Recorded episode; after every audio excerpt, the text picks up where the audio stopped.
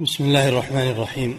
الحمد لله رب العالمين والصلاة والسلام على نبينا محمد وعلى آله وأصحابه أجمعين. أما بعد قال المؤلف رحمه الله تعالى وعن ابن عمر رضي الله عنهما أن رسول الله صلى الله عليه وسلم قال الذين يصنعون هذه الصور يعذبون يوم القيامة يقال لهم أحيوا ما خلقتم. بسم الله الرحمن الرحيم. الحمد لله رب العالمين. صلى الله وسلم على نبينا محمد وعلى آله وأصحابه أجمعين. هذا الحديث من جملة الأحاديث التي فيها بيان الوعيد الوارد في حق المصورين.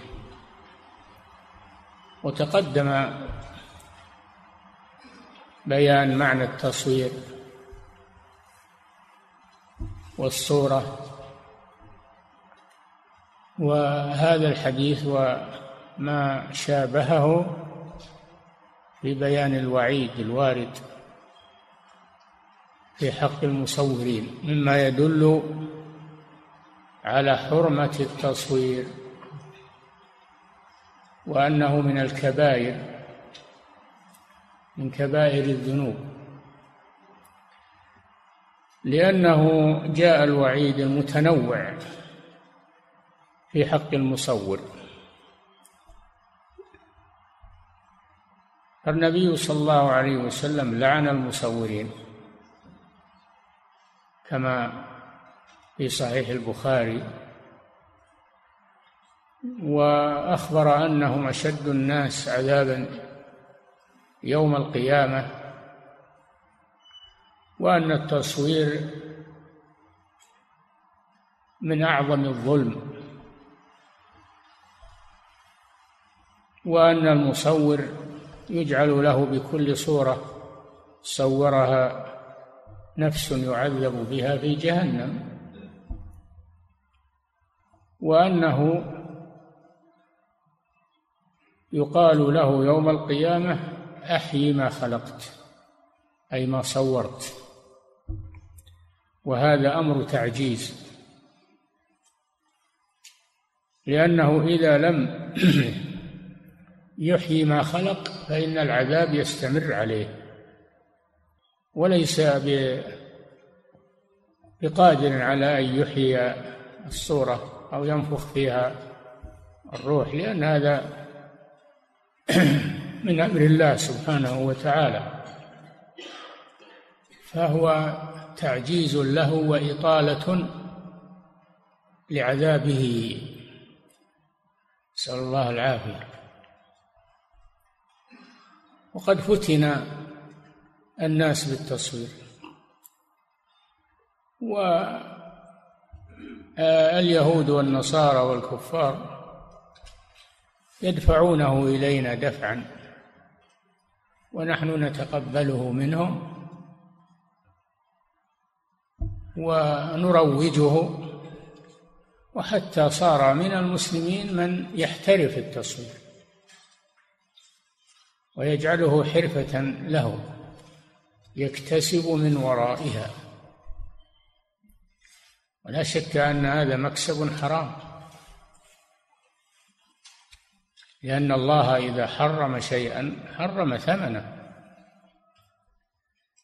وبيع الصور واقتناء الصور محرم. وأيضا حتى صار التصوير فنا من الفنون. يدرس وله مدارس يعتبرونه فنا من الفنون. وهذا من عدم المبالاة بأوامر الشرع ونواهيه. وإلا فماذا يستفاد من التصوير؟ وماذا يستفاد من الصورة؟ ما هي الفائدة التي يجنيها الفرد والمجتمع من الصور والتصوير؟ إلا العذاب الشديد والتصوير حرم لعلتين. العلة الأولى أن فيه مضاهاة لخلق الله فإن المصور يحاكي الصورة التي خلقها الله بحيث إذا نظرت إليها إذا هي تطابق المصور تطابق المصور تماما ويتفننون في هذا. والعلة الثانية أن التصوير وسيلة إلى الشرك لأن قوم نوح إنما وقعوا في الشرك بسبب الصور التي صوروها للصالحين ونصبوها على مجالسهم. وفيه علة ثالثة أيضا وهو أنه إذا كان التصوير للنساء فإنه سبب للفتنة سبب للفتنة بهن والنظر إلى صورهن. التصوير لا خير فيه مطلقا. لذلك يجب على المسلمين أن يعرفوا هذا وأن يتجنبوا التصوير ويتجنبوا استعماله وأن يخرجوه من بيوتهم. ومحلاتهم. ولا ينساقوا وراء العادات والتقاليد وتقليد الكفار. فهذا أمر خطير جدا. وإن تساهل فيه الناس وصار كأنه الآن كأنه من المعروف. لا من المنكر بحيث إنهم صاروا يستنكرون على الذي ينهى عن التصوير ويصفونه بالتشدد. فصار المعروف منكرا والمنكر معروفا كما أخبر النبي صلى الله عليه وسلم. والمراد بالتصوير تصوير ذوات الأرواح من الآدميين والبهائم والحشرات كل ما فيه روح. يتحرك بها. لأنه كلف أن ينفخ فيه الروح فدل على أن ذوات الأرواح هي التي يحرم تصويرها. كل ما فيه روح. ما كل شيء متحرك فيه روح. الحيوانات الآدمي الحشرات الطيور كل ما فيه روح فإنه يوم القيامة يؤتى بالمصور لهذه الأشياء ويؤمر أمر تعجيز وتعذيب بأن ينفخ فيها الروح وليس بنافخ كما قال الرسول صلى الله عليه وسلم. نعم.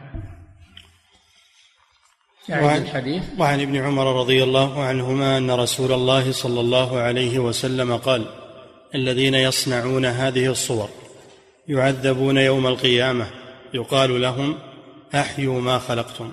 يقال لهم أحيوا ما خلقتم. فدل على أن ما فيه الحياة الحركية هو الذي يحرم تصويره.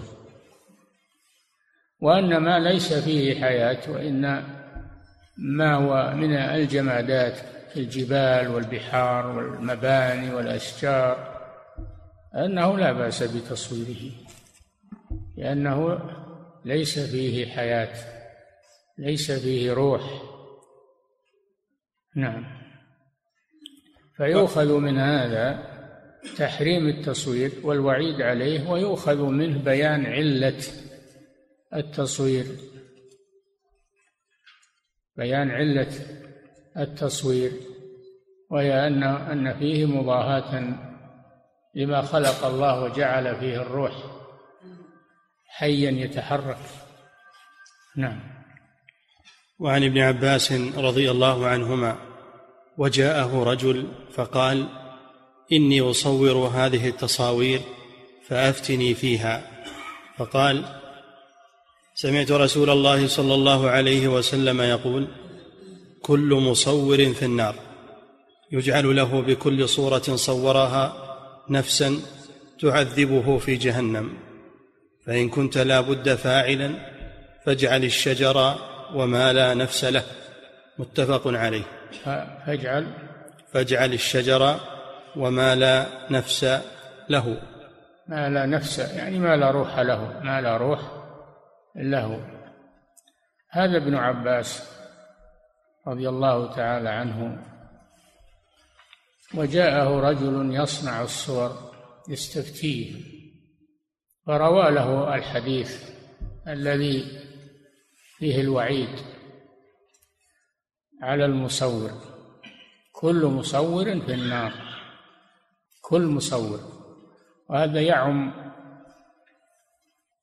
أنواع التصوير سواء كان بالنحت والتماثيل أو كان بالرسم باليد.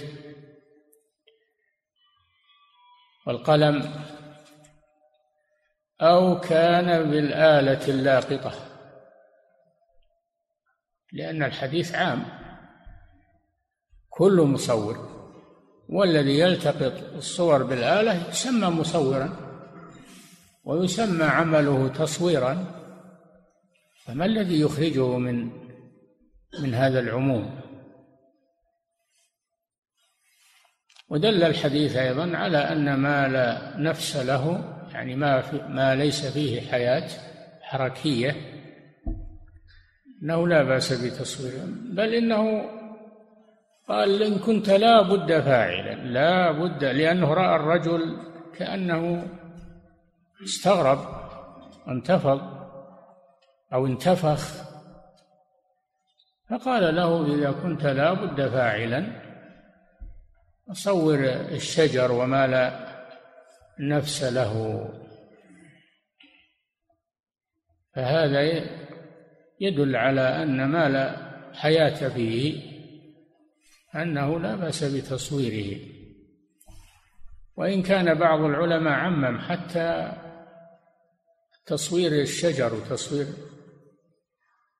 ما لا روح فيه عمم الحديث.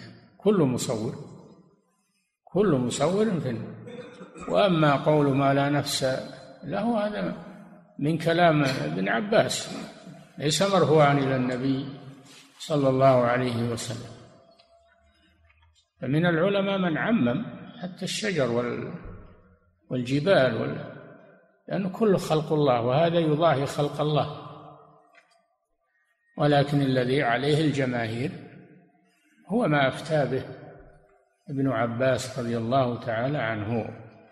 ويشير ويدل عليه ما الحديث الذي مر يقال له أحيي ما خلقت أحيي دل على أن المحرم هو ما فيه حياة. يقال له أحيي ما خلقت.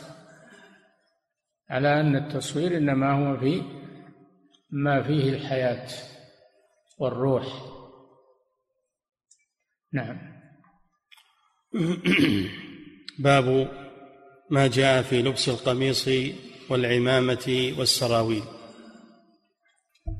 نعم لأن المناسبة لذكر التصوير في أثناء كتاب اللباس أن أن أن هذا يشمل الملابس التي فيها صور. يشمل الملابس التي فيها صور لا يجوز لبسها ولا بيعها ولا شراؤها. ويشمل الستور التي تستر بها الجدران أو الخزائن إذا كان فيها صور. قد أنكر النبي صلى الله عليه وسلم على عائشة لما رأى أنها سترت سهوه يعني فرجة بقرام فيه تماثيل فتغيظ صلى الله عليه وسلم وأبى أن يدخل المحل حتى هتكت السترة وجعلت وسايد ومتكئات فدل على أن الصور الممتهنة التي تداس ويجلس عليها وأنها تلقى مثل ما يكون في الصحف وفي المعلبات وفي التي تلقى ولا ولا لها قيمة ممتهنة ولا ولا يحتفظ بها أنها أنها لا لا إثم فيها.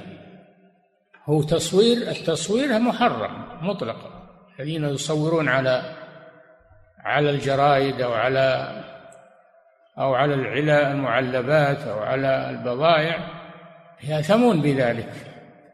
ولكن لا مانع من استعمال ما هي عليه وطرحها. العلب إذا استعملت ما فيها تطرحها. كذلك الجرائد إذا قرأتها تطرحها. وليس قصدك من شرائها الصور إنما قصدك أن تحصل على ما فيها من أخبار ومقالات ثم تطرحها. إذا كانت الصور ممتهنة فلا إثم فيها لأن القرام قطعته عائشة وجعلته وسائد واتكأ عليها رسول الله صلى الله عليه وسلم. نعم. باب ما جاء في لبس القميص والعمامة والسراويل. نعم أن هذا أن هذه الأنواع من الملابس مباحة. لبس العمامة على الرأس لبس القميص وهو الثوب مخيط أو المنسوج على البدن أو العضو لبس السراويل اللي نسميه سروال وهو في اللغة سراويل وليس جمعا كما يظن بعض الناس إنما هو مفرد يسمى سراويل مفرد. كل ذلك لا بأس بلبسه. نعم. عن أبي أمامة رضي الله عنه قال قلنا يا رسول الله إن أهل الكتاب يتسرولون ولا يأتزرون. فقال رسول الله صلى الله عليه وسلم تسرولوا واعتزروا وخالفوا أهل الكتاب. رواه أحمد. أهل الكتاب يتسرولون ولا يعتزرون ما يلبسون الإزار. النبي صلى الله عليه ونحن نهينا عن التشبه بهم النبي صلى الله عليه وسلم قال تسرولوا واتزروا يعني استعملوا الاثنين. خالفوا أهل الكتاب الذين يقتصرون على السراويل خالفوهم. تسرولوا البسوا السروال واتزروا البسوا الإزار. مخير بين هذا وهذا. فهذا فيه مخالفة لأهل الكتاب. تسرولوا واتزروا. دليل على أن كلا الأمرين جائز. ولا نتشبه بأهل الكتاب فنقتصر على السراويل. نعم. وعن مالك أعد الحديث. وعن أبي أمامة رضي الله عنه قال قلنا يا رسول الله إن أهل الكتاب يتسرولون ولا يأتزرون. فقال رسول الله صلى الله عليه وسلم تسرولوا واعتزروا وخالفوا أهل الكتاب. رواه أحمد. نعم. هذا فيه الأمر بمخالفة أهل الكتاب في اللباس. إنهم أنهم إذا كانوا مقتصرين على لباس خاص فإننا لا نتشبه بهم بل نخالفهم في أننا نلبس هذا الملبس تارة ونلبس غيره تارة أخرى. تحصل المخالفة بذلك. وفيه دليل على النهي عن التشبه بأهل الكتاب وهم اليهود والنصارى. نعم. وعن مالك ابن عميرة. رضي الله عنه قال بعت رسول الله صلى الله عليه وسلم رجل سراويل قبل الهجرة فوزن لي فأرجح لي رواه أحمد وابن ماجه. نعم هذا الرسول صلى الله عليه وسلم اشترى رجل سراويل دل على إباحة لبس السروال السراويل والنبي صلى الله عليه وسلم وفاه الثمن وزاده في ذلك من حسن القضاء كما هي عادته صلى الله عليه وسلم. نعم. وعن أم سلمة رضي الله عنها قالت ودل على بيع على جواز بيع السراويل. نعم. وعن أم سلمة رضي الله عنها قالت كان أحب الثياب إلى رسول الله صلى الله عليه وسلم القميص رواه أحمد وأبو داود والترمذي. القميص هو ما خيط ما خيط على قدر البدن. من أي الأقمشة التي يلبسها الرجال؟ الأقمشة التي يلبسها الرجال. هذا أحب الملابس إلى رسول الله صلى الله عليه وسلم. أحب إليه من الإزار والرداء. أحب إليه من الإزار والرداء. دل على استحباب لبس الثوب. وإذا لبس الإزار والرداء فذلك جائز. نعم. وعن أسماء. لأن الثوب يستر البدن ولا يحتاج إلى تعاهد بخلاف الإزار والرداء. يحتاج إلى تعاهد وإلى ضبط. وإلا فإنه سيسترخي ويحصل منه خلل في الملبس. لكونه ثابتا لكون القميص ثابتا اختار النبي صلى الله عليه وسلم واستحب لبسه. نعم. وعن أسماء بنت يزيد رضي الله عنها قالت كانت يد كم قميص رسول الله صلى الله عليه وسلم إلى الرسغ. رواه أبو داود والترمذي. نعم. هذا فيه أن كم الثوب كم القميص يكون إلى الرسغ. والرسغ هو ويقال بالصاد رسغ ويقال رسغ بالسين. والرسغ هو ما بين الزندين ما بين الزندين من مفصل الكف من الساعد لأن المفصل الذي يجمع الكف والساعد يتكون من عظمين عظم الكوع وهو ما يلي الإبهام وعظم الكرسوع وهو ما يلي الخنصر وما بينهما يسمى بالرسل وفي المثل يقولون فلان ما يعرف كوعه من كرسوعه لو سألت أحد منكم ما هو الكوع والكرسوع ما أظن إلا كان أحد طالع بالكتاب. ما يعرف كوعه من كرسوعه فهذا هو الكوع وهذا هو الكرسوع والرسغ هو ما بينهما. يكون الكم إلى حد الرسغ. هذا هو السنة التي كان صلى الله عليه وسلم عليها. ولا يطيل الأكمام نعم. وعن أسماء بنت يزيد قالت كانت يد كم قميص رسول الله صلى الله عليه وسلم إلى الرسغ. رواه أبو داود والترمذي. وعن ابن عباس رضي الله عنهما قال كان رسول الله صلى الله عليه وسلم يلبس قميصا قصير اليدين والطول رواه ابن ماجه. نعم يلبس قميصا قصير اليدين يعني لا يزيد على الرسل لا يزيد على الرسل في الأكمام. والطول يعني لا ينزل عن الكعب. هكذا كان لباس رسول الله صلى الله عليه وسلم أنه لا ينزل عن الكعب ولا تزيد أكمامه عن الرسل. نعم. وعن وعن نافع عن ابن عمر رضي الله عنهما قال كان النبي صلى الله عليه وسلم إذا اعتم سدل عمامته بين كتفيه. قال نافع وكان ابن عمر يسدل عمامته بين كتفيه رواه الترمذي.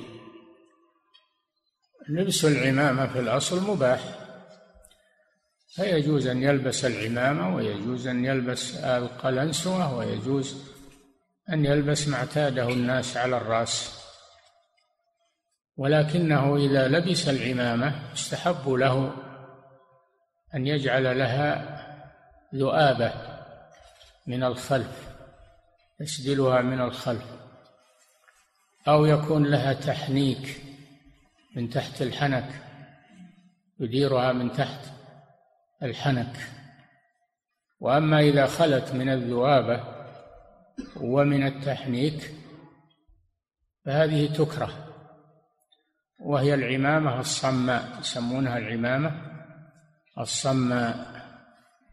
فإذا لبس العمامة تكون على الصفة المستحبة يكون لها ذؤابة من الخلف. قد يكون لها ذؤابة من من الأمام يعني يجعل أطرافها نازلة كذا على على جنبيه ويكون لها تح أو أو يكون لها تحنيك مدارا تحت الحنك. هذه صفة العمامة. نعم. كان النبي صلى الله عليه وسلم عن نافع عن ابن عمر قال كان النبي صلى الله عليه وسلم إذا اعتم سدل عمامته بين كتفيه. قال نافع وكان ابن عمر يسدل عمامته بين كتفيه. رواه الترمذي.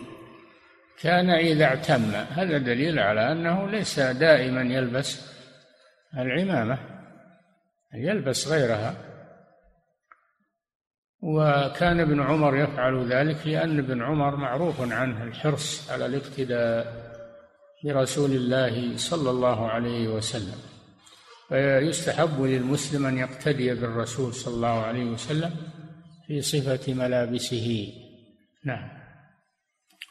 باب الرخصة في اللباس الجميل استحباب التواضع فيه وكراهة الشهرة والإسبال.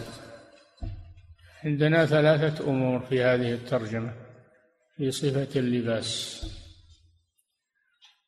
أولا اللباس الجميل لا بأس به. اللباس الجميل لا بأس به. و وكذلك التواضع أن يلبس من ثياب عادية ليس لا لا تلفت النظر ولا هذا أيضا مستحب يستحب هذا وهذا. ما يقتصر على دائما لباس الجمال ولا يقتصر دائما على لباس البذلة و بل تارة كذا وتارة كذا. خصوصا إذا يسر الله عليه فإنه يتجمل. النبي صلى الله عليه وسلم كان يتجمل في لباسه. وكان يلبس ما وجد عليه الصلاة والسلام. يلبس ما وجد. تارة كذا وتارة كذا. وكانت له حلة يلبسها للوفود يلبسها لمقابلة الوفود. فدل على أن التجمل مطلوب في الثياب إلى حد لا يبلغ الإسراف. حد لا يبلغ الإسراف. وأن التبذل في اللباس مطلوب إلى حد أيضا لا يبلغ الإسراف في التبذل وأن الإنسان يتوسط لا يبتل يعني يداوم على الابتذال باللباس ولا يداوم على آه، لبس الجميل يكون تارة كذا وتارة كذا. هكذا. الأمر الثالث من المنهي عن لبس الشهرة. ما هو لبس الشهرة؟ ما يخالف ما عليه المجتمع. يلبس ما يوافق ملابس المجتمع إذا كانت موافقة للسنة. أما إذا كانت مخالفة للسنة فلا. لكن إذا كانت ملابس المجتمع موافقة للسنة فيلبس ما يلبسه الناس. لئلا يكون مشتهرا بينهم في محل نظر من الناس. فيراعي الإنسان هذا يراعي لباس مجتمعه شريط ألا شريطة ألا يكون محرما. نعم. وكراهة الشهرة والإسبال. وكراهة الإسبال هذا الأمر الثالث الإسبال وسيأتي تفسيره. نعم. عن ابن مسعود رضي الله عنه قال قال رسول الله صلى الله عليه وسلم لا يدخل الجنة من كان في قلبه مثقال ذرة من كبر. فقال رجل إن الرجل يحب أن يكون ثوبه حسنا ونعله حسنة. قال إن الله جميل يحب الجمال الكبر بطر الحق وغمص الناس رواه أحمد ومسلم. نعم. في هذا الحديث مسائل عظيمة. الأولى ذم الكبر.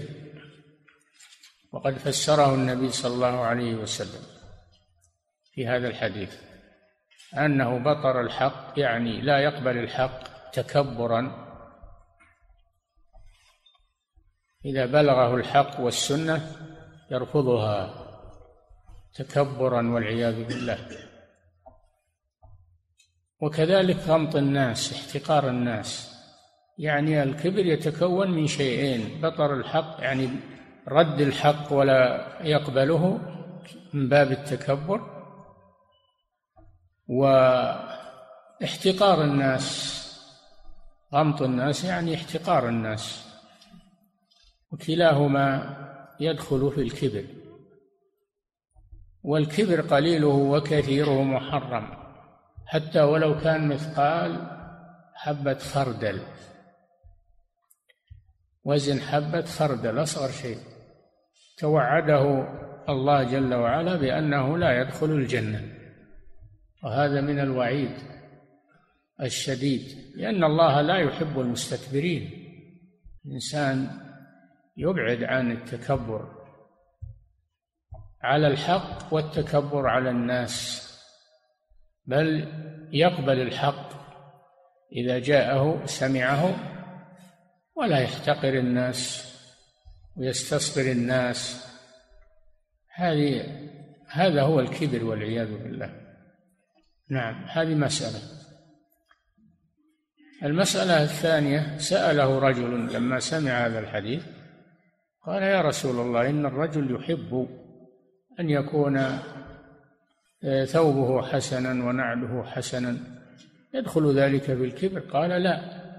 إن الله جميل يحب الجمال. فدل هذا على استحباب التجمل على استحباب التجمل في اللباس والنظافة المظهر الطيب. لأن الله يحب ذلك. فيه الحث على التجمل. وفيه وصف الله جل وعلا بأنه جميل سبحانه وتعالى لا أجمل منه. لا أجمل من الله عز وجل. ففيه أن الجمال من صفة الله عز وجل. وأنه يحب الجمال سبحانه وتعالى. يحب لنا أن نتجمل في ملابسنا. لكن كما ذكرنا هو يداوم على الجمل تارة كذا وتارة كذا. نعم. وعن سهل بن معاذ الجهني. وقد يتجمل الإنسان وليس فيه كبر. تجمل الإنسان وليس فيه كبر. وقد يبتذل وفيه كبر. الكبر في القلب. الكبر في القلب. فقد يتجمل ويكون متواضعا في قلبه. وقد يلبس ثياب البذلة ويكون متكبرا. ولهذا جاء في الحديث أن من الذين لا ينظر الله إليهم يوم القيامة ولا يزكيهم ولهم عذاب أليم. عائل مستكبر. فقير. فقير فيه كبر هذا من أبغض الناس عند الله عز وجل. عائل فقير يعني مستكبر. وفي الحديث إن الرجل لا يتكبر وعليه العباءة المرقعة. ما هو الكبر في الملابس الكبر في القلب. نعم. عليك بالعناية بقلبك. وتجمل في ملابسك. واستعمل أيضا ثياب العادة في بيتك وفي آه، يعني محيط من حولك. لكن فيه أحوال مثل يوم العيد مثل يوم الجمعة مناسبات. فيه وفود يأتون إليك فيه مقابلة للناس. هذا تتجمل فيه. تظهر بالمظهر اللائق. نعم. وعن سهل بن معاذ الجهني عن أبيه. الحديث هذا. وعن ابن مسعود رضي الله عنه قال قال رسول الله صلى الله عليه وسلم لا يدخل الجنة من كان في قلبه مثقال ذرة من كبر. قالوا ذرة. الذرة هي أصغر الأشياء. قيل الذرة هي النملة الصغيرة وقيل الذرة الهباء التي تطير في الهواء. نعم. فقال رجل إن الرجل يحب أن يكون ثوبه حسنا ونعله حسنة. قال إن الله جميل يحب الجمال. فهذا فيه أنه يستحب للإنسان أن يتجمل في ثوبه وفي نعليه. في نعليه. وهذا ليس هو الكبر. هذا يحبه الله مع أن الكبر يبغضه الله. هذا ليس هو الكبر. نعم. قال إن الله جميل يحب الجمال الكبر بطر الحق وغمص الناس رواه أحمد ومسلم. غمص الناس بالصاد أو غمط بالطاء كله سواء المعنى واحد. احتقار الناس وتنقص الناس. نعم هذا هو الكبر. اعرفوا هذا الضابط الذي وضعه النبي صلى الله عليه وسلم للكبر. فإذا كان عندك نفرة من الحق فأنت متكبر. وإذا كان عندك تنقص للناس فأنت متكبر. إذا كان عندك قبول للحق واحترام للناس فأنت غير متكبر. هذا ميزان يعني نمشي عليه في حياتنا تعاملنا مع الناس. نعم. وعن سهل بن معاذ الجهني عن أبيه عن رسول وفي الحديث وصف الله بأنه جميل وفيه وصف الله بأنه يحب يحب الجمال يحب أولياءه وعباده الصالحين يحب الأعمال الصالحة الله يوصف بأنه يحب كما يوصف بأنه يبغض. ويكره سبحانه وتعالى كما يليق بجلاله. ولا ولا يؤول هذا أو يحرف عن معناه. نعم. وعن سهل بن معاذ الجهني عن أبيه عن رسول الله عن رسول الله صلى الله عليه وسلم أنه قال من ترك أن يلبس صالح الثياب وهو يقدر عليه تواضعا لله عز وجل. دعاه الله عز وجل على رؤوس الخلائق حتى يخيره في حلل الإيمان أيتهن شاء. رواه أحمد والترمذي. نعم هذا كما في الحديث الآخر من تواضع لله رفعه. إذا كان يترك الملابس الجميلة تواضعا لله فإن الله يحب له ذلك ويرفعه الله. عز وجل ويعطيه من الملابس من ملابس الجنة. ملابس الجنة. ولكن هذا لا يمنع أنه يتجمل أحيانا في المناسبات وفي اللقاءات وفي وفي الأيام الفاضلة يوم الجمعة يوم العيد. نعم. وعن ابن عمر رضي الله عنهما قال قال رسول الله صلى الله عليه وسلم من لبس ثوب شهرة في الدنيا ألبسه الله عز وجل ثوب مذلة يوم القيامة. رواه أحمد وأبو داود وابن ماجه. هذا ثوب الشهرة. قد سبق قريبا بيانه وهو أن الإنسان يلبس ما يخالف ما عليه المجتمع في بلده. إذا كان ما عليه المجتمع ليس مخالفا للسنة. ما إذا خالفهم لأنهم مخالفون للسنة فهذا مطلوب. ما داموا على السنة فلا آه، فلا تظهر بالمظهر الذي يستغربونه عليك. يستغربونه منك. نعم. فالبس ما يلبسون بشرط أن يكون ذلك مما أباحه الله سبحانه وتعالى. نعم في نوعه وفي صفته. نعم. وعن ابن عمر رضي الله عنهما قال قال رسول الله صلى الله عليه وسلم من لبس ثوب شهرة في الدنيا ألبسه الله ثوب مذلة يوم القيامة. رواه أحمد وأبو داود وابن ماجه. على عكس قصده هو لبس ثوب شهرة لأجل ترفع به. فالله يعاقبه ويلبسه ثوب مذلة يوم القيامة يهينه. كما جاء في الحديث إن المتكبرين يحشرون أمثال الذر يطأهم الناس يوم القيامة عقوبة لهم. فهذا الحديث الذي سمعنا فيه النهي عن لباس الشهرة وهو ما يرفع الناس أنظارهم إليه مستغربين للباسه. نعم. ومن هذا ما يفعله بعض الإخوان المحبين للخير يقصرون ثيابهم إلى منتصف الساق أو إلى قريب من الركبة يقولون هذا السنة. السنة أن تلبس ما يلبس المسلمون في بلدك بشرط أن لا يخالف السنة. وما بين الكعب إلى نصف الساق كله سنة. إذا كان المجتمع كله يلبس إلى نصف الساق يلبس مثله. إذا كان المجتمع يلبس إلى فوق الساق إلى فوق الكعب البس مثلهم ولا تلبس لباس شهرة تصير بينهم مشتهر ويغمطونك ويناظرونك. في وقتنا هذا صار هذا علامة على المخربين وعلى على الناس اللي عندهم شذوذ في, في الأفكار. هذا أيضا يؤكد إن أنه يتجنب هذا.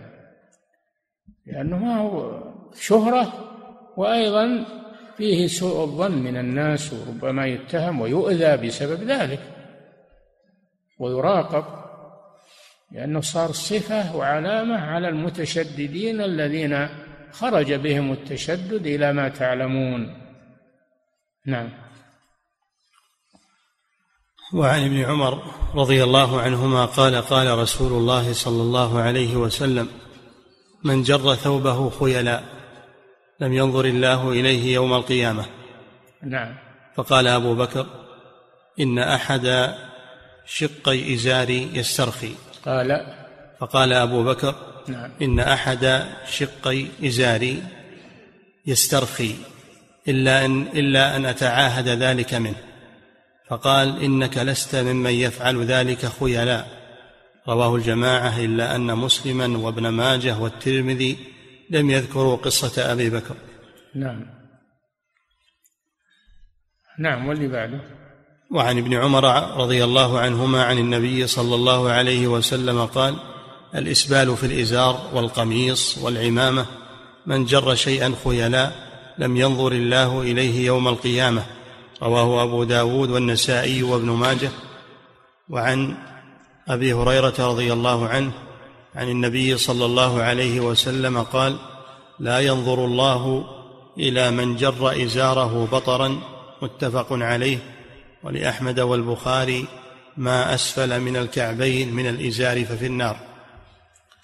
نعم هذه الأحاديث في نوع آخر من آه، الملابس المحرمة وهي ما فيها إسبال. والإسبال ضابطه الحديث الأخير ما كان أسفل الكعبين فهو في النار. أما ما كان من الكعبين فما فوق إلى نصف الساق فهذا هو لباس السنة لباس السنة. وفي الحديث في الأحاديث أن من جر ثوبه خيلاء هل بهذا القيد أو لا؟ من جر ثوبه خيلاء. يعني فمفهومه أن الذي يجر ثوبه بغير خيلاء أنه لا, لا بأس بذلك. لا ليس الأمر كذلك. ما أسفل الكعبين فهو في النار. خذ هذا. سواء كان معه خيلاء ولا ما معه خيلاء. لكن إذا كان معه خيلاء فهو أشد. فالعذاب فيه أشد. ودل الحديث أو قول أبي بكر رضي الله عنه أنه ينزل أحد شقي إزاره إن لم يتعاهده دل على أنه إذا نزل بدون قصد وبادر ورفعه أنه لا لا بأس عليه. لا بأس في ذلك لأنه بغير قصده. إذا نزل بغير اختياره ثم إنه بدأ انتبه ورفعه أنه لا بأس بذلك. لا تظنون أن أبا بكر يخلي إزاره دائم ويقول أنا ما ما تعاهدته وتركته. لا ما يصلح هذا. يجل أبو بكر رضي الله عنه عن ذلك. لكن لو نزل الإزار أحيانا لأن تعرفون الإزار وهو مربوط على الوسط قد يرتخي وينزل. هذا لا بأس به لأنه بغير قصد وبغير المهم أن نعرف أن أن أن الإسبال ما نزل عن الكعبين وأنه محرم على كل حال إلا إذا كان بدون قصد مثل ما يحصل لأبي بكر وأنه إذا كان معه خيلاء فإنه يكون أشد تحريما وأشد عذابا عند الله سبحانه وتعالى. وإذا لم يكن معه خيلاء فهو إسبال. ولو كان ما معه خيلاء إذا تركه فهو إسبال. ودل الحديث على أن جميع الملابس لا تنزل عن الكعبين سواء الثوب سواء الإزار سواء البشت سواء سائر الملابس لا تنزل عن الكعبين. ما كان أسفل الكعبة هذا عام. نعم. فضيلة الشيخ وفقكم الله. يقول يقول رأيت حين سفري لبعض دول شرق آسيا. صورا نسينا الكلام على الإسبال في العمامة. كيف يكون الإسبال في العمامة؟ إسبال في العمامة يقولون أن يزيد على يزيد في في في العمامة التي يجعل لها يجعل لها من الخلف ذؤابة يعني يزيد في الذؤابة عن الحد المعروف. هذا إسبال. حد المعروف إلى الكتفين إلى ما بين الكتفين. فلا يزيد في في الذؤابة التي للعمامة. نعم. الإسبال باب باب يقول كراهة الشهرة والإسبال إيه؟ حديث ابن عمر الإسبال في الإزار ترجمة. باب الرخصة في اللباس الجميل واستحباب التواضع فيه وكراهة الشهرة والإسبال. أي لا اللي فيه العمامة. هذا حديث ابن عمر. نعم. عن النبي صلى الله عليه وسلم قال الإسبال في الإزار والقميص والعمامة. عرفنا الإسبال في الإزار والقميص والبشت وجميع الملبوسات. والعمامة عرفنا أنه الزيادة في الذؤابة التي يجعلها من الخلف. نعم. أن النبي صلى الله عليه وسلم قال الإسبال في الإزار والقميص والعمامة من جر شيئا خيلا لم ينظر الله إليه يوم القيامة. لم ينظر الله إليه يوم القيامة. لأن الله جل وعلا ينظر إلى عباده. إما نظرة غضب وإما نظرة رحمة وإما نظرة رحمة. فالذي يخالف في لباسه لا ينظر الله إليه سبحانه وتعالى. عقوبة هذا معناه إذا حرم من النظر من نظر الله إليه هذه عقوبة. الذي لا ينظر الله إليه هذا قد عاقبه. نعم.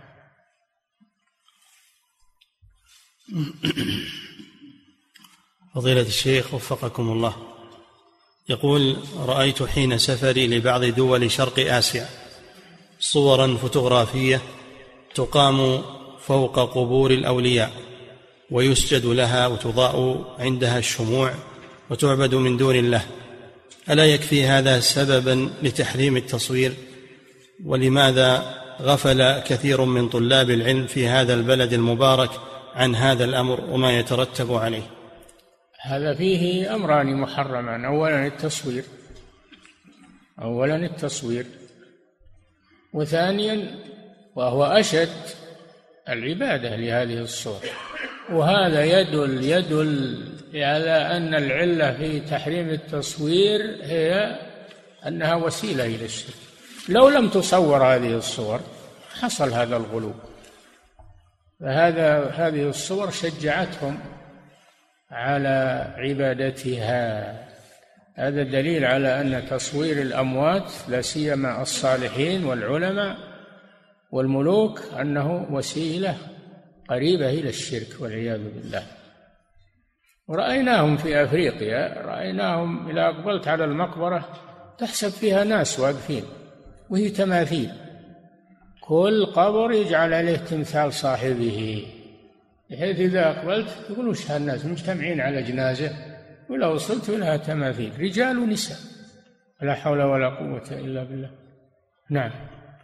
يجب على طلبة العلم والعلماء أن ينكروا هذا الشيء. يعلمون الناس إن هذا لا يجوز. يعلمونهم بالرفق وبالحكمة. يعلمونهم هذه الأمور. نعم. ما يسكتون عنهم يقول هذا شيء عادي ولا هم مطيعين ولا ولا لا ما, ما يجوز هذا. بينون للناس بينون للناس. ادعوا إلى سبيل ربك بالحكمة والموعظة الحسنة وجادلهم بالتي هي أحسن. نعم. فضيلة الشيخ وفقكم الله في ولائم الأعراس يكثر التصوير للحضور فهل يكون هذا المنكر مانعا من إجابة الدعوة؟ فلا تكون الدعوة واجبة. بلا شك هذا منكر. إذا علمت أنه يحصل فيها تصوير فلا تذهب إليها إلا إذا كنت تستطيع منع هذا الشيء. إذا كنت تستطيع منع هذا الشيء أذهب. إذا كنت لا تستطيع أو تصف معهم يصورونك فالأمر أخطر. نعم. فضيلة الشيخ وفقكم الله يقول يحتاج في بعض الأعمال الخيرية والدعوية إلى تصوير المنجزات لكي يطمئن المتبرعون لهذه الأمور. الله لا يخفى عليه شيء ما يحتاج تصوير والعمل يظهر ويعرفه الناس. فلا حاجة إلى هذا إلى التصوير. نعم. فضيلة الشيخ وفقكم الله هل هناك فرق في التحريم بين ما يسمى بالتصوير الفوتوغرافي وبين التصوير بالفيديو؟ التصوير؟ بالفيديو. لا فرق. الصور التي يحتفظ بها وتبقى لا, لا فرق في ذلك. الفيديو بأي شيء. نعم. فضيلة الشيخ وفقكم الله يقول يحتج المصورون في هذا الزمان بأن التصوير الفوتوغرافي لا يعد تصويرا لأنه حبس للظل. وش يسمى؟ وش يسمى؟ اسألهم قل إيش يسمونه إذا؟ ما تسمونه تصوير سموه. وش علمونا؟ وش, وش اسمه؟ ما, ما, يجدون اسم هو صورة وتصوير ومصور ولا شك. يسمونه كذا هم. نعم. ويقول وأنه حبس الظل ما حبس هذه فلسفة. ما يرد بها الحديث. ما يرد بها الحديث. نعم. ويقولون حفظك الله أنه ليس موجودا في عهد النبي صلى الله عليه وسلم. موجود النص تعميم. من صور صورة عام هذا. لعن المصورين عموما أشد الناس عذابا يوم القيامة المصورون ولم يخصص. منين جبت هالمخصص هذا؟ ما في دليل على التخصيص إلا تبرير ما عليه الناس فقط. نعم. نعم العلماء في وقتنا هذا أفتوا بالتصوير الضروري لأن الله استثنى الضرورة. حتى في أكل الميتة إلا ما اضطررتم إليه. هذه يقولون تدعو إليه الضرورة. الآن فيباح التصوير لأجل الرخص لأجل الضرورة. رخص فيه لأجل الضرورة لأن لأنه أصبح من ضوابط الأمن ومن ضوابط عدم الاشتباه في في في الشخصيات وفي والإثباتات. إذا كان من باب الضرورة يرخص به بقدرها بقدر الضرورة. نعم. فضيلة الشيخ وفقكم الله من يقيس التصوير الفوتوغرافي والصور الفوتوغرافية على المرآة؟ المرآة يا أخي ما هي بتصوير ظل يمشي لو وخرت عنه راح. التصوير يبقى مئات السنين حتى يمزق يبقى. هذه فرق هذه مغالطة. نعم. فضيلة الشيخ وفقكم الله. يقول هناك قريب لي. أجل الماء الماء إذا وقفت عليه تظهر صورك. تقول هذا تصوير؟ ما هو تصوير هذا. نعم. فضيلة الشيخ وفقكم الله يقول هناك قريب لي. وفي مجلسه يعلق صورتين لأبيه ولجده الذين هم من الأموات. وإذا أنكرت عليه لم يستجب لقولي. فهل أهجره ولا أدخل بيته.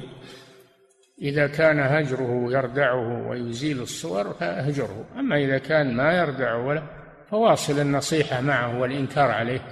نعم. فضيلة الشيخ وفقكم الله. يقول في بعض الدروس العلمية والمحاضرات يتم التصوير بالفيديو فهل يجوز حضور هذه الدروس وهذه المحاضرات؟ يعني تكلم مع المدرس لا يمنعها ولا ولا تستمر. فإذا استمرت في دروس ما فيها تصوير تذهب إليها. نعم. فضيلة الشيخ وفقكم الله يقول رسم الكراتير الذي يوجد في الجرائد هل يجوز فعله؟ وهل هو من الصور الممتهنة الجائزة؟ هو ما هو صورة وجه وصورة إنسان وش اللي يخرجه من التصوير؟ علشان اسمه كاراتيه. ما يخرج ذلك من التصوير. نعم. بل هذا فيه زيادة استهتار بالناس زيادة سخرية بالناس. نعم زيادة على التصوير. نعم. فضيلة الشيخ وفقكم الله هل استمرار عذاب المصورين يوم القيامة يدل على أنهم مخلدون في العذاب؟ الله أعلم. المسلم لا يخلد. المسلم لا يخلد لكن هذا من باب الوعيد. وليس في الأحاديث أنه يخلد في النار ما فيها. فيها أنه يعذب فيها أنه يعذب وليس فيها أنه يخلد في النار. نعم. قد يدخل الموحد والمؤمن يدخل النار فترة طويلة أو قصيرة الله أعلم بها لكنه لا يخلد مثل ما يخلد الكافر. نعم. فضيلة الشيخ وفقكم الله يقول قريبة لي سألتني عن أقراط تلبسها في أذنيها. في؟ في أذنيها. نعم. وتصلي فيها. وسألتني فقلت لها لا تصلين بها لأن القرطين عبارة عن شكل كامل لطائر وهو البطة. يقول فهل كلامي ونهي لها صحيح؟ نعم إذا كان على شكل طائر أو على شكل ذي روح فلا يجوز لها أن تلبسه لا في الصلاة ولا في غيرها. أما لبس الحلي في الصلاة وتستره لا بأس بذلك إذا كان خاليا من التصوير الصور. نعم. فضيلة الشيخ وفقكم الله يقول هل يجوز إعادة بث البرامج الدينية المنقولة مباشرة على شاشة التلفاز؟ هو نقلها وقت الدرس هذا يعتبر من نقل من نقل العمل. نقل يسمونها النقل الحي مثل صلاة الحرمين تنقل خطبة الحرمين تنقل. هذا من البث المباشر يسمونه البث المباشر. أما الاحتفاظ بها آه، لا أرى هذا. نعم. فضيلة الشيخ وفقكم الله الأكل على الجرائد والمشي عليها وجعلها سفرة. هل فيه بأس؟ لا. ما في بأس إلا إذا رأيت فيها آية أو حديثا أو رأيت فيها اسم الجلالة أو اسم الرسول صلى الله عليه وسلم أو فيها كلام من كلام أهل العلم فلا فلا تهنها ولا تأكل عليها. أما إذا لم ترى فيها شيئا من ذلك فلا بأس. نعم. فضيلة الشيخ وفقكم الله. كتب أحدهم أن أقرب ما كان شكل قميص رسول الله صلى الله عليه وسلم هو ما يلبسه الباكستانيون اليوم. فهل قوله صحيح؟ ما شاء أخاف أنه باكستاني ذا. وش يدري عنه الرسول باكستاني. سبحان الله. هذا من التكلف ومن نعم. فضيلة الشيخ وفقكم الله. يقول ما حكم لبس العمامة؟ العمامة على أنها سنة.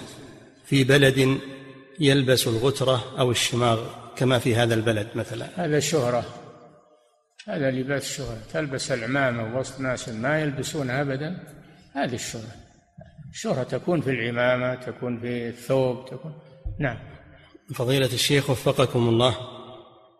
ورد في حديث ابن عمر كان النبي صلى الله عليه وسلم إذا اعتم سدل عمامته بين كتفيه. يقول هل معنى ذلك أنه لم يكن النبي صلى الله عليه وسلم يلبس العمامة دائما؟ هذا أشرنا إليه. قلنا إنه فيه دليل على أنه ما هو يلبس العمامة دائما ولا يلبس القميص دائما. لكن إذا فعل هذا فيكون على هذه الصفة. نعم.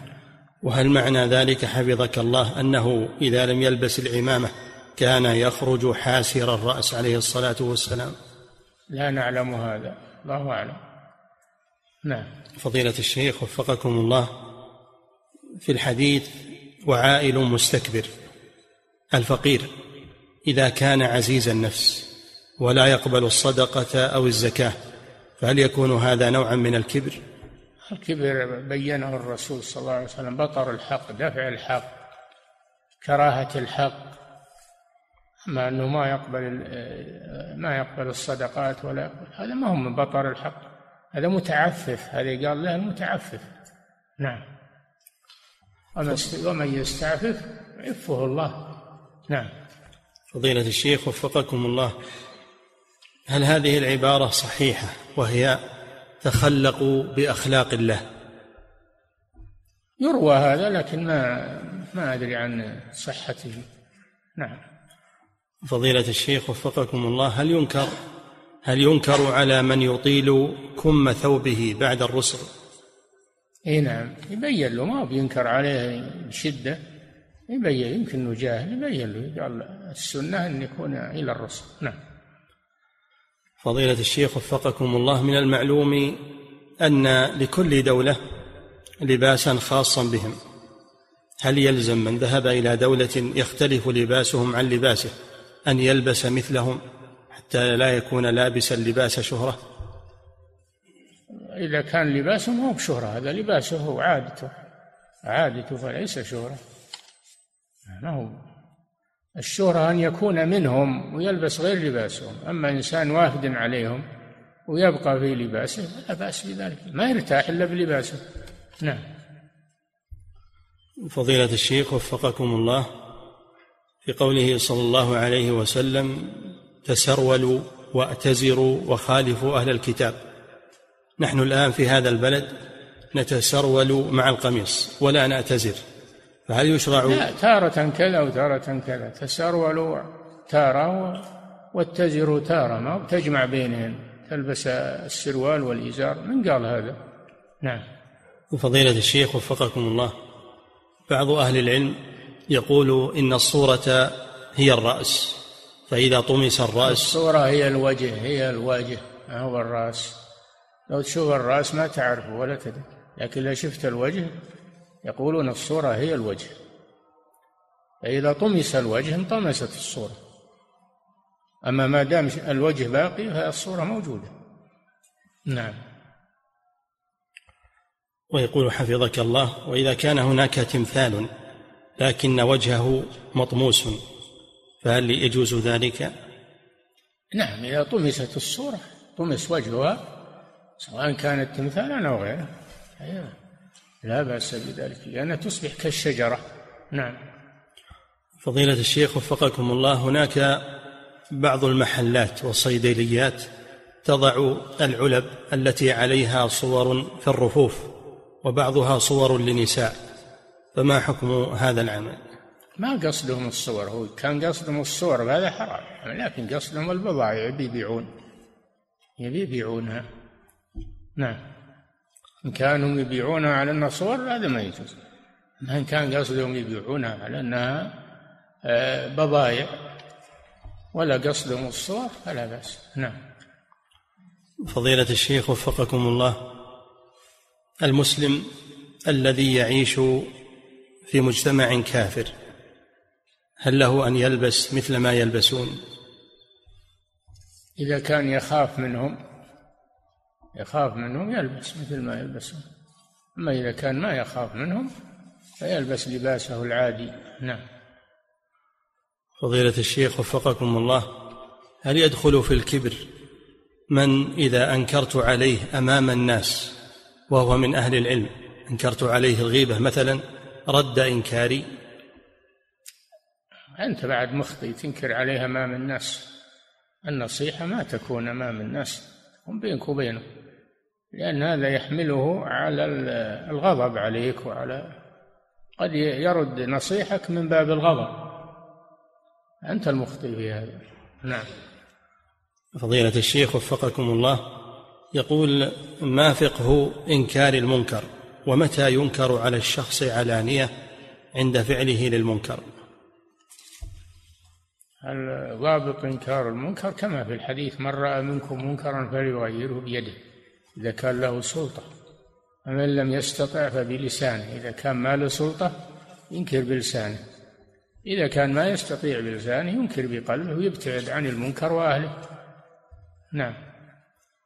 فضيلة الشيخ وفقكم الله كثير من النساء عندما تريد حضور مناسبة تتجمل وتختار من الثياب النادر وتقول حتى لا يكون أحد قد لبسه. مثلي. فهل هذا داخل في لباس الشهرة؟ هذا قبل الشهرة داخل في تجمل المرأة عند الخروج من بيتها. لا يجوز هذا. لا يجوز هذا. قال صلى الله عليه وسلم في الخارجات للمساجد وليخرجن تفلات يعني متبذلات. ليس عليهن لباس زينة ولباس وقال جل وعلا ولا تبرجن تبرج الجاهلية الأولى والتبرج هو التزين عند الخروج بالطيب بالملابس الجميلة بغير ذلك من المظاهر. هذا تبرج ولا يجوز وهذا من فعل الجاهلية. نعم.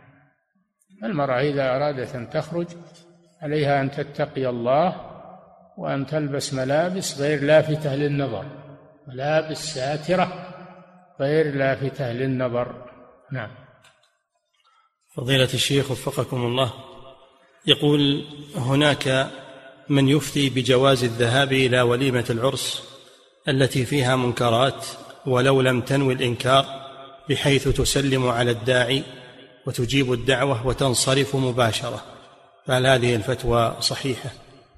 أي نعم إذا انصرفت مباشرة ونصحته عن التصوير وانصرفت مباشرة أنت فعلت بعض الشيء. نعم ولكن كونك ما تجيب أصلا هذا أردع له. نعم.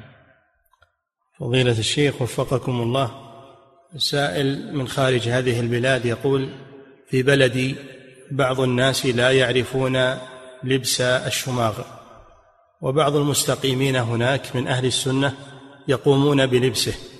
وينكر عليهم الناس هناك. فما نصيحتكم في ذلك؟ يقول في في بلادي بعض الناس لا يعرفون لباس الشماغ. وبعض المستقيمين بعض من أهل الناس في بلادي بعض الناس. يقول بعض الناس في بلدي لا يعرفون لباس الشماغ. بعض الناس ما هو كل ما هو كل أهل البلد. نعم. إذا كان كل أهل البلد ما يعرفون لباس الشماغ لا تلبس أما إذا كان بعضهم يلبسه فلا فلا حرج في هذا أنت مثل هالبعض هذا. نعم. فضيلة الشيخ وفقكم الله متى يمنع الولد من الإسبال؟ هل هناك عمر محدد قبل البلوغ؟ لا لا. الولد يمنع مما يمنع منه الكبير ولا يربى على المخالفة. وش الفائدة من إسبال البزر؟ وش الفائدة من ذلك؟ ما ما له فائدة نعم. فضيلة الشيخ وفقكم الله يقول ذهبت إلى السوق لشراء قطعة قماش فوجدت أقمشة رجالية تحتوي على نسب مختلفة للحرير.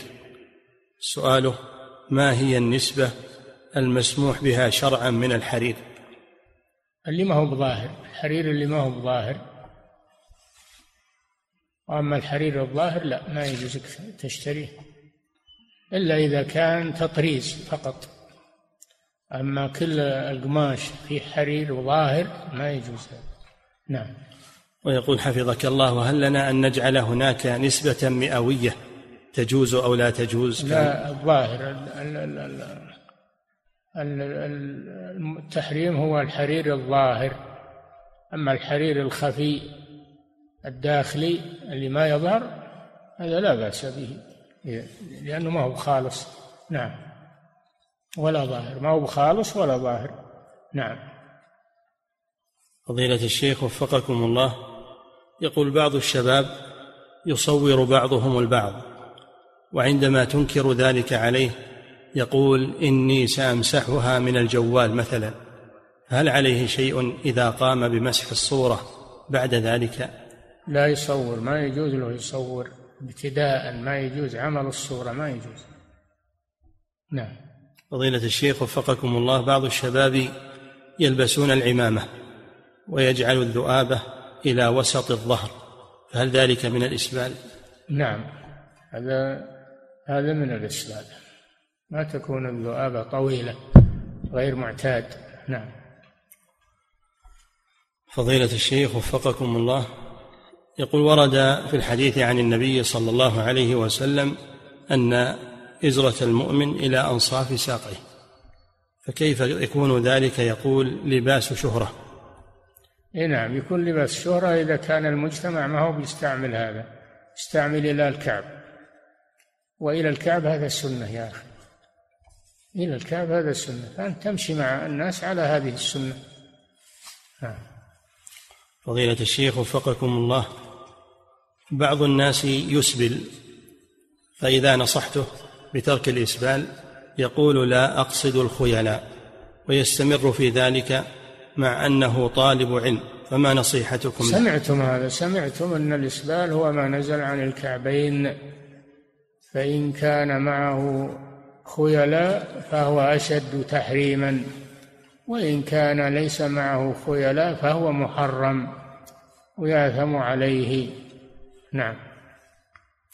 فضيلة الشيخ وفقكم الله يقول نسمع من بعض أهل العلم أن الحديث الضعيف لا يفسر ولا يشرح لأن شرحه نص بتصحيحه فإذا كان الحديث الضعيف يترك ولا يشرح معناه فهل هذا القول صحيح؟ من قال هذا؟ أنا ما وجدت لأهل العلم أنهم قالوا هذا هذا قال ناس عصريين الله أعلم بعلمهم ومكانتهم.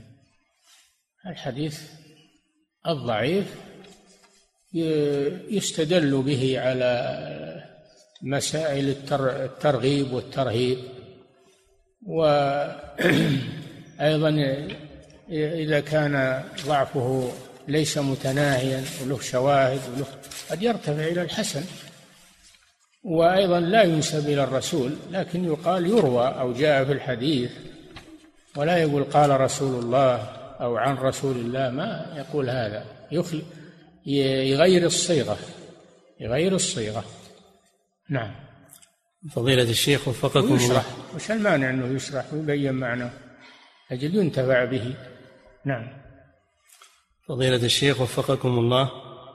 هل ورد عن النبي صلى الله عليه وسلم أنه كان يجمع بين الصلاتين عند هبوب الريح القوية؟ المحملة بالغبار والأتربة؟ ما ورد هذا ولا أعلم هذا. هذا عند الشباب بعض الشباب المتعالمين أحدثوه الآن. وهذه صلاة في ذمتهم موقت وأيضا أئمة يصلون بالناس عليهم أن يتقوا الله عز وجل. الرياح كانت تأتي وكان آه، الغبار يأتي وما عهد ان ان, أن الناس يجمعون لهذه الأمور إنما يجمعون للمطر. بين المغرب والعشاء هذا الذي ورد؟ أو حتى بين الظهر والعصر على قول أما الغبار ما وجدنا ولا ما فيه. وكان الغبار يوجد والرياح تأتي ولا ذكر إنهم يجمعون يجمعون لها. أنا خبر إنه يأتي علينا ظلمات في النهار. ظلمات ما تشوفها اللي أمامك ولا يجمعون. وفيهم العلماء وفيهم هذا الشيء محدث من من من من زمن قريب ولا وجدوا من يمنعهم من هذا. نعم. وفضيلة الشيخ وفقكم الله هل السنة التكبير عندما تكون الأجواء مليئة بالأتربة والغبار مثل ما حصل اليوم وهل هناك دعاء معين يقال في ذلك؟ نعم الدعاء نسألك من خير هذه الريح ومن آه، خير ما أمرت به. ونعوذ بك من شر هذه الريح وشر ما أمرت به. هذا الذي ورد. نعم. فضيلة الشيخ وفقكم الله يقول هل هل تدلوا لنا حفظ التكبير التكبير هذا ما أعلم أنه يقال عند الريح. إنما الذي ورد أنه يقال عند الحريق. نعم. فضيلة الشيخ وفقكم الله يقول هل تتكرمون حفظكم الله؟ بالدلالة لنا على رسالة في حكم التصوير أو كتاب. رسالة الشيخ عبد العزيز بن باز وهي موجودة في مجموع فتاوى. الجواب المفيد في حكم التصوير. موجودة مطبوعة مفردة وموجودة مطبوعة مع المجموع. نعم. فضيلة الشيخ وفقكم الله مطار الملك خالد هل يعتبر خارج العمران؟ فمن قصده لأجل السفر.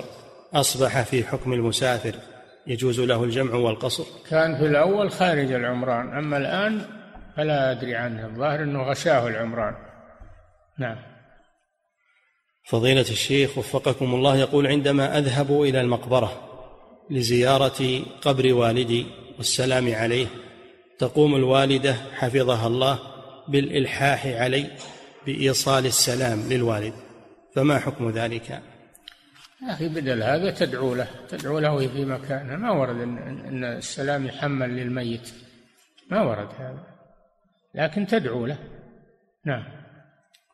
فضيلة الشيخ وفقكم الله ويقول وعندما أذهب للمقبرة أجد عمالة تقوم بحفر القبور وهم مستحقون للصدقة. فهل يجوز الصدقة عليهم داخل المقبرة؟ إذا عرفت أنهم مستحق مستحقون للصدقة؟ لا بأس. طيب نعم. فضيلة الشيخ وفقكم الله ما حكم تعليق الآيات القرآنية على الجدران؟ كذلك بعض الأدعية المأثورة. هذا ما ورد. لا الآيات ولا الأدعية تعلق على الجدران. الأدعية والآيات في القلوب ما هي بالجدران. وربما يكون هذا فيه اعتقاد أن فيها بركة وفيها تكون من التمائم أيضا. لا يجوز هذا.